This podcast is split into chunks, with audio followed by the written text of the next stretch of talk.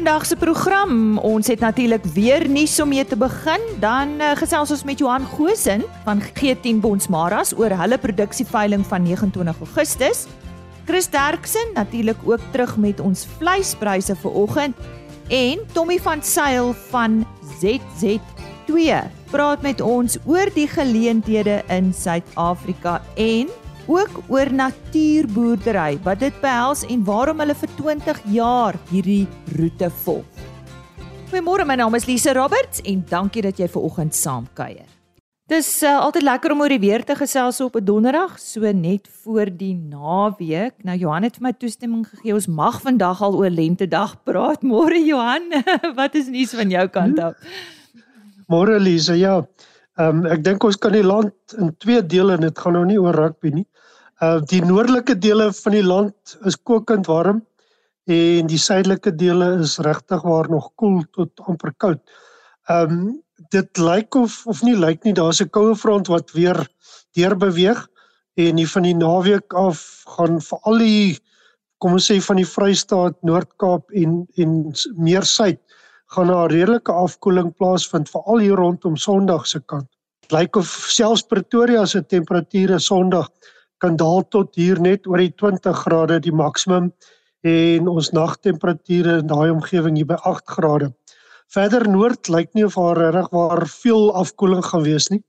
Maar uh, uh as ons kyk hier in die Vrystaat, Bloemfontein lyk vir my gaan weer Sondagoggend hier by vriespunt wees. Eh, uh Baaklie Oos wat van die kouer plekke is.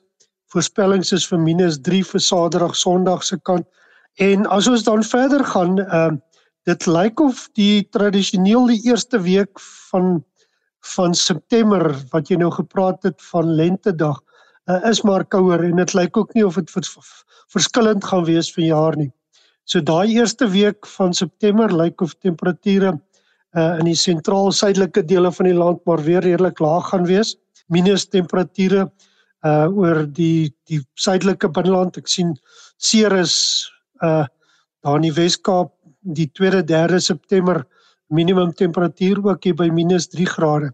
So hier is nog koue wat op pad is en dit lyk ook hier in die tweede week van September of daar koue op pad is. So uh hierdie tyd is nou wat dit gevaarlik raak vir plante, ons neutbome, ons druiwe, vrugtebome want die die plante begin bot met die hoër temperature en dan kry ons hierdie laer temperature wat deurkom en skades veroorsaak.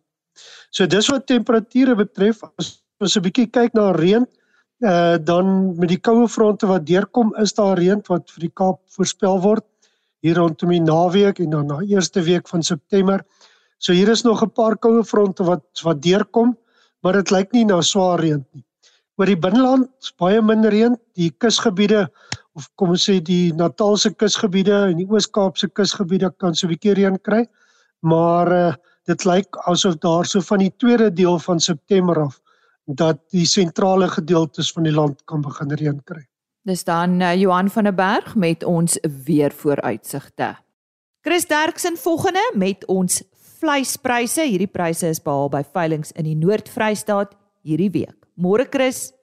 Goeiemôre al ons medeboere. Lisa, dankie vir die geleentheid. Vandag het ons eintlik nogal baie belangrike nuus. Die eerste is ons moet Lou van Renen van Beefmaster baie bedank vir sy groot poging om die uitvoermark vir vleis na China sowel as Saudi-Arabië oop te kry. En dit gaan 'n groot verskil in ons in die toekoms maak. Die lewendige skaapuitvoere na die Midde-Ooste begin ook nou mooi loop met tot 60000 skape per vrag en hulle hoop om dit 'n paar keer in 'n jaar te kan doen en dit sal ook 'n groot verskil aan ons maak. Ek wens net die DBV hou op krap waar dit nie juk nie. Hulle kan hulle eerder besig hou met die wreedheid van geloofslagtings as wat hulle nou neek met die skape. Derdens is dit belangrik om te onthou dat die informele skaapmark op sy beste is vir die 5 dae na die uitbetaling van regeringstoelaas.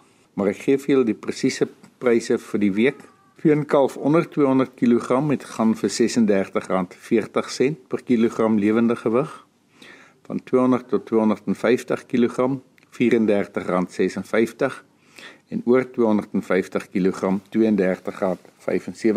per kilogram lewendig.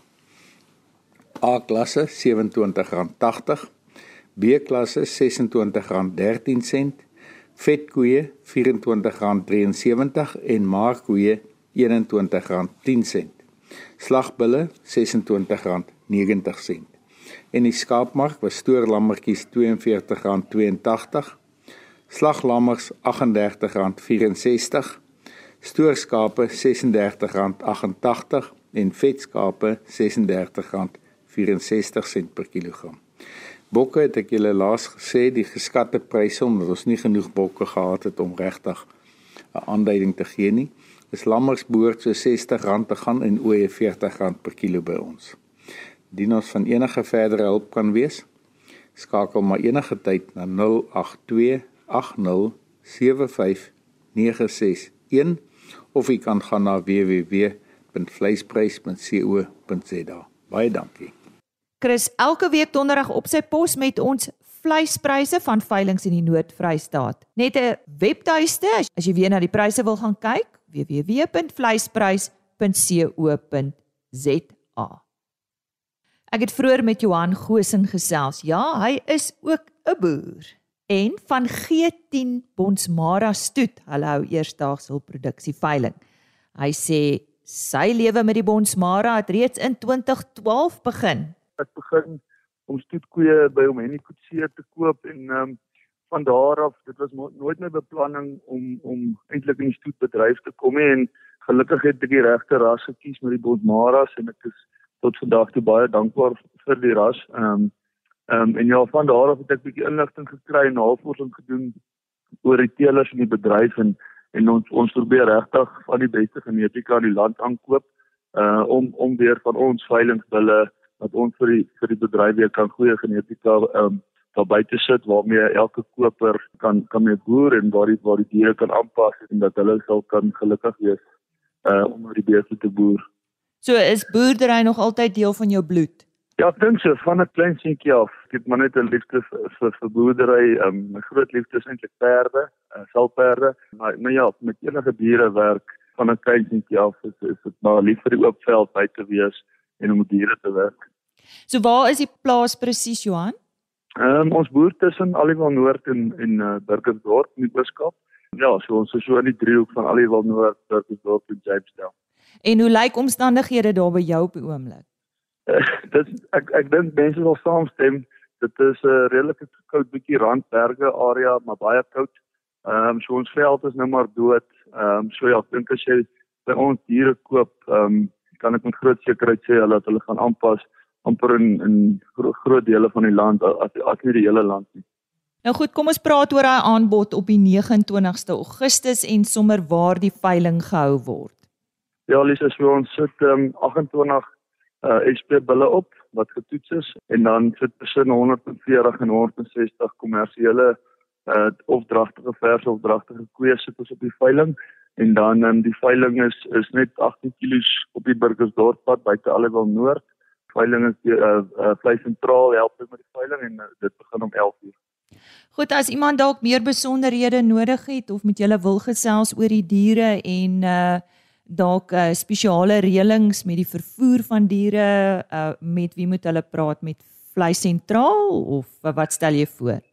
Ja, Lisa, hulle hulle, hulle kan met uh, oom Mario Kreer van vlei sentraal of hulle kan selfs my kontak uh, by 076 904 0932 uh of selfs my ma wat vir my boer of sy sal my kwaad wees maar ons boer maar saam.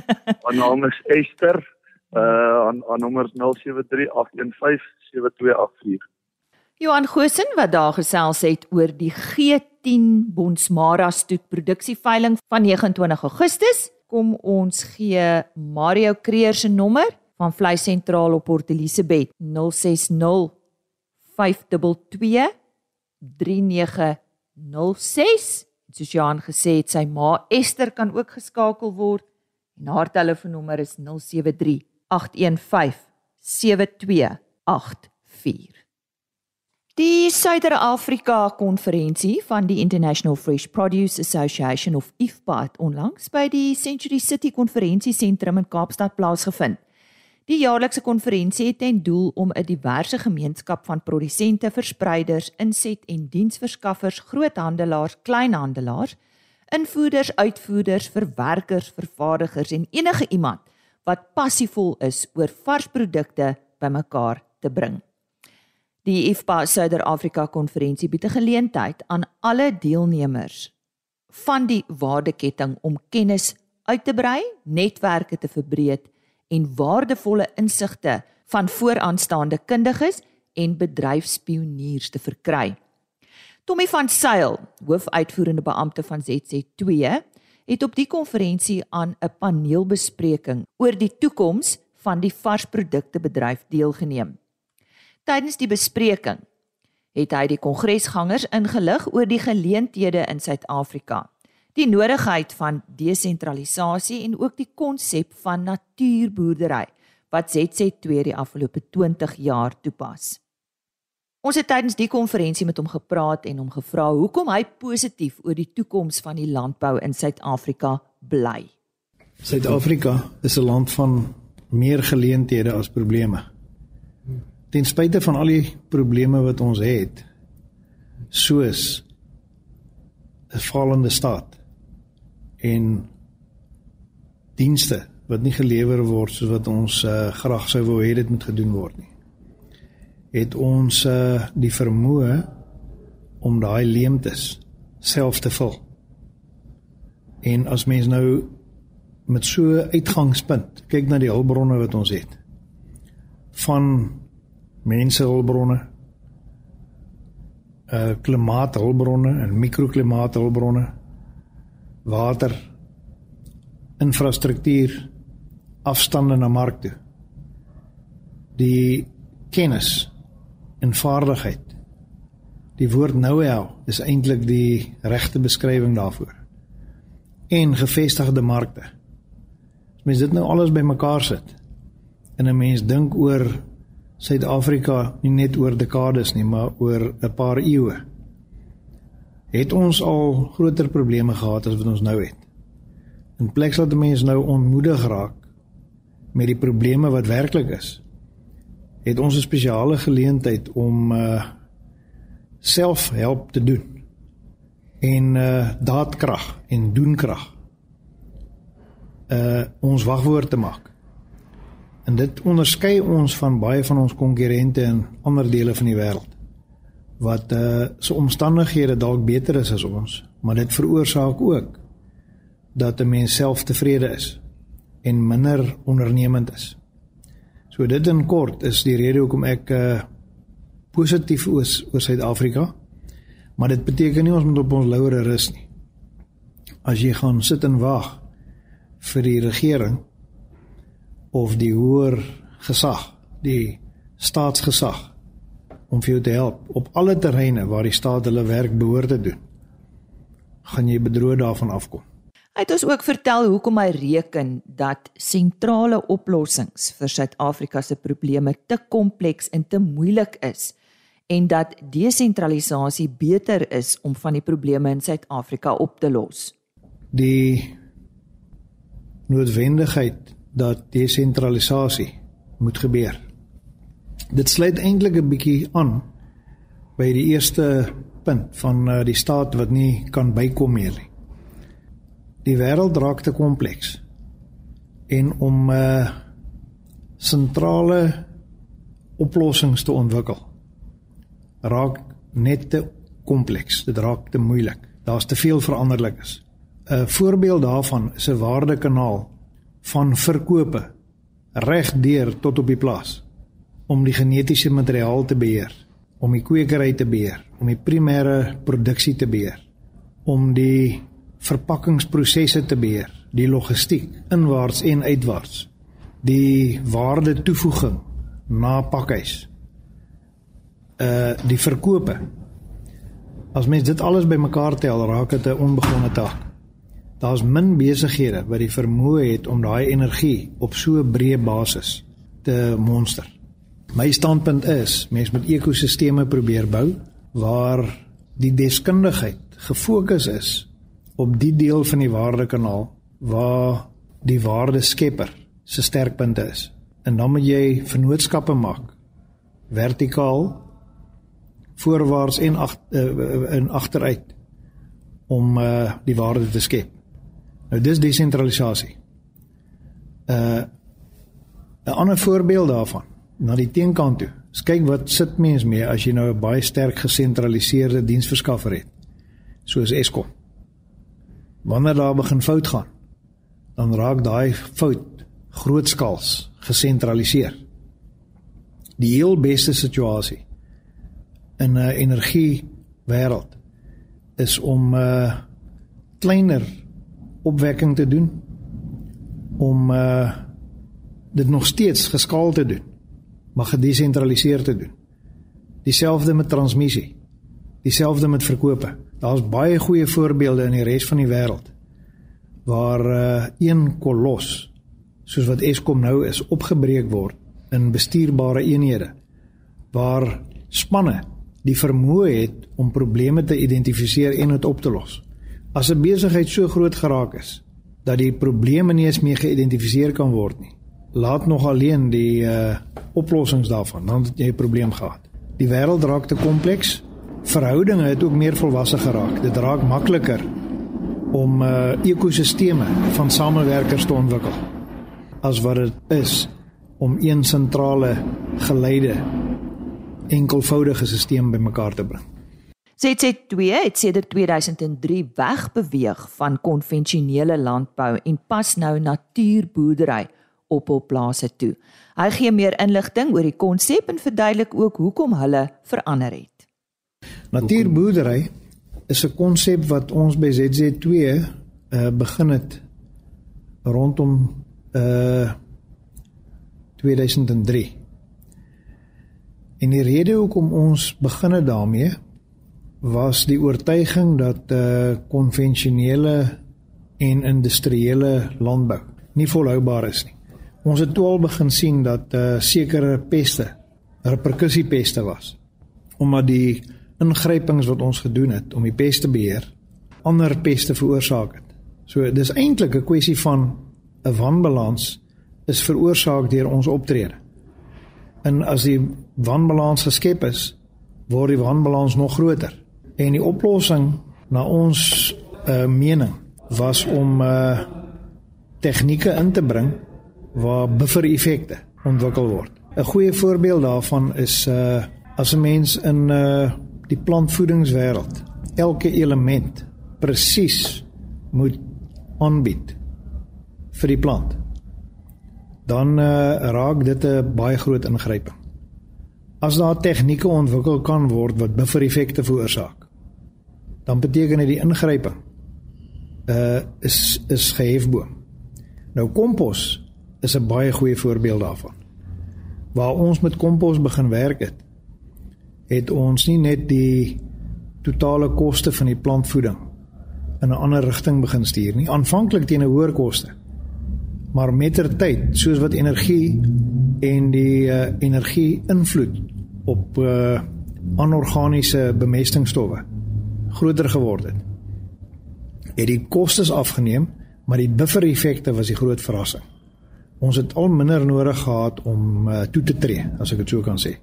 Boonbehalwe die plantvoedingsgedeelte van ons eh, boerdery fokus, ook uh, plantbeskerming. Ons het nog baie werk te doen rondom uh voordelige insekte te gebruik om in die stryd teen nadelige insekte uh ingespan te word maar daar's al baie goeie werk en daar's groot suksesse. Daar's sekere peste waar konvensionele chemiese middels nie meer die werk doen nie, waar die standaard alreeds is om voordelige insekte te gebruik. Dan op 'n ander vlak uh die mikrobiese wêreld. Uh bakterieë, fungi, protozoa, nematodes. Daar's goeies en slegtes in al daai bevolkings. Ons kennis van die mikrobiese wêreld is nog baie skraal, maar die kennis neem toe. En as ons nou al begin om waar die kennis in uh toepassings uh gevorm kan word. Al is dit op 'n baie klein skaal, dan's die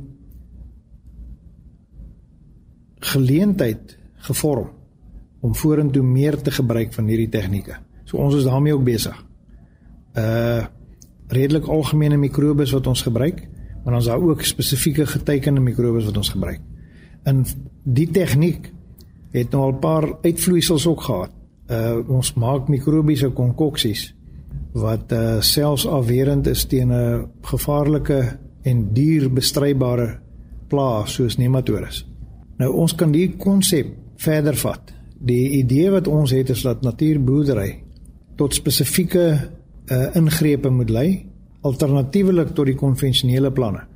Maar is daar ook 'n uh, 'n manier van doen om nader na die natuur te kom, om die natuur 'n uh, deel van die boerderystelsel te maak en die ekosisteem dienswaarde daarvan ook te begin beskryf. Ons on, in boerdery het die spesiale voordeel, die voorreg om baie naby aan die natuur te lewe en deur so bietjie op 'n ander manier die ontwikkeling van ons boerderye aan te pak. Kan 'n mens dieselfde tipe van voordele ontwikkel, ekosisteemdienste lewer as wat 'n plek soos bewaargebiede soos die wildtuin uh ontwikkel. En ek dink daar's 'n beweging op pad in die toekoms van mense wat uh in die dampkring van matige boerdery, 'n nadenkende boerdery. Boerdery met respek met die natuur, waar daai ekosisteem dienste ontwikkel om naby so 'n diens te kom uh van die dienste gebruik. Daar praat jy nou van potensiële groot ekotourisme geleenthede in die dampkring van uh primêre landbou. So natuurboerdery uh is 'n weier wordende konsep wat uh, ek dink mense uh, baie verder kan vat as wat ons dit al reeds gevat het. Ons het die naam geregistreer as 'n uh, een van ZZ2 se bepalende handelsmerk ontwikkelaars. Ons het hom ook gevra of natuurboerdery dieselfde as organiese boerdery is. Nee, organies, organiese boerdery het baie streng reëls. En ons ervaring was dat uh dit baie moeilik is om met die tipe van opbrengste wat mens uh hê met die gewasse waarmee ons boer uh kobo water te. Daar is sekere lande wat vir jou groot premies gaan betaal vir organiese produkte, maar in ons land is die mark klein. En uh, dit was vir ons ekonomies nie volhoubaar nie. Maar dit beteken nie dat die lesse geleer en dat die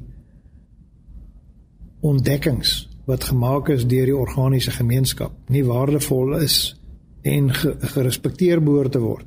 Maar dis 'n lang reis. Ek dink oor 'n baie lang termyn sal die organiese boerderypraktyke en die konvensionele praktyke baie nader na mekaar toe beweeg. En so gesels Tommy van Sail, hoofuitvoerende beampte van ZC2 en ons het tydens vanjaar se IFPA konferensie in Kaapstad met hom gesels. Dis dan vandag se RSC landbou en ek sluit af met 'n e-posadres. rsclandbou@plaasmedia.co.za. Dankie vir jou tyd hierdie week. Dit is dan my kuier saam met jou. Ek is weer maandagooggend en dit is dan amper die einde van Augustus. Terug met nog landbou sake. Totsiens. RSG Landbou is 'n plaasmedia produksie met regisseur en aanbieder Lize Roberts en tegniese ondersteuning deur Jolandi Rooi.